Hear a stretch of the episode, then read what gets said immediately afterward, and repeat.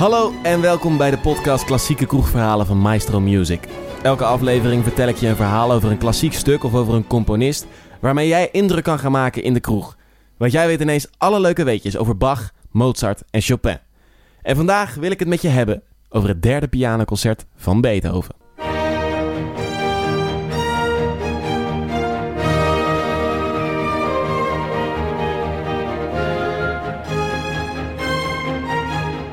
Want het is bij iedereen bekend dat Beethoven een briljant muzikant en een briljant componist was. En misschien weet je ook wel dat Beethoven heel goed was in improviseren.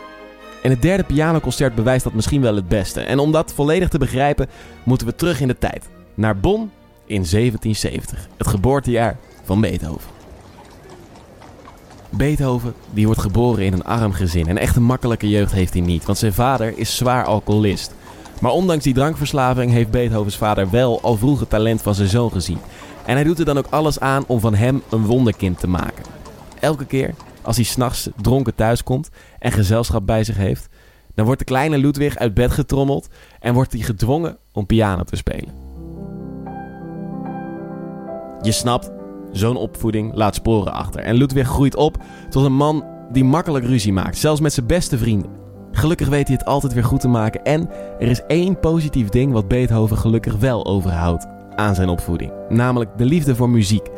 Hij krijgt vanaf zijn negende pianoles in Bonn en zo hoort hij voor het eerst de muziek van Bach, Haydn en Mozart. En hij blijkt inderdaad een wonderkind en al snel weet Beethoven dat hij eigenlijk maar één ding wil: les van Mozart.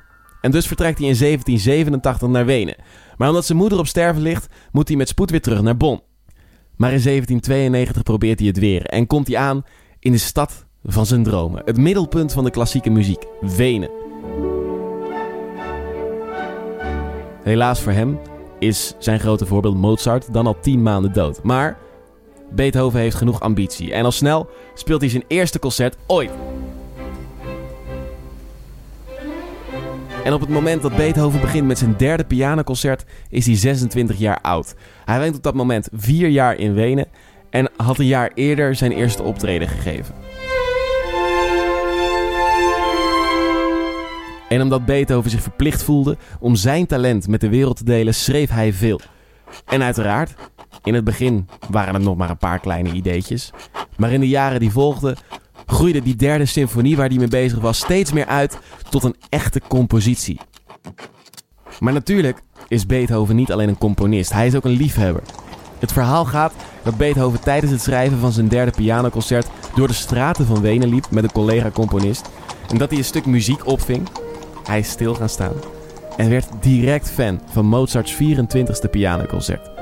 Zoiets moois zullen we nooit kunnen maken, schijnt hij tegen zijn collega te hebben geroepen. Hij raakt in de ban van dat 24e pianoconcert en besluit zijn derde pianoconcert erop te baseren.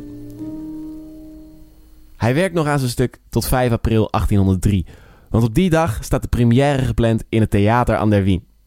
Maar die première loopt niet helemaal smooth.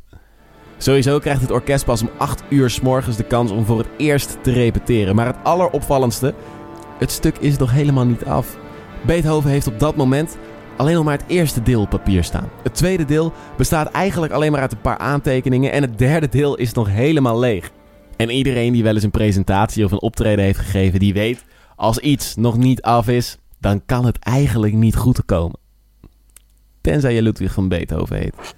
Hij schrijft snel de stukken voor de rest van het concert, maar hij slaat het pianostuk over. Want hoewel het stuk nog niet op papier staat, heeft hij het wel al zelf in zijn hoofd. En hij besluit zelf achter de piano te gaan zitten, zodat hij het kan spelen. En later zegt de dirigent, Ignas van Seifert...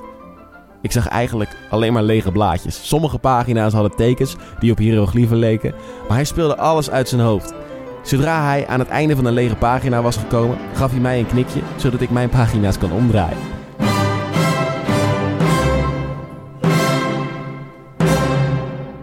Beethoven speelt het stuk uit. De critici zijn niet per se laaiend enthousiast, maar hebben niet doorgehad dat het allemaal geïmproviseerd was. En als dirigent Ignas van na afloop met Beethoven aan het avondeten zit, blijkt dat Beethoven het hele concert zijn lach heeft moeten inhouden. Omdat van duidelijk bang was dat hij één van Beethovens knikjes zou missen en geen idee meer zou hebben waar in het stuk ze zaten. Wil je nou meer weten over Bach, Beethoven of Mozart? Op maestromusic.today vind je alles over klassieke muziek.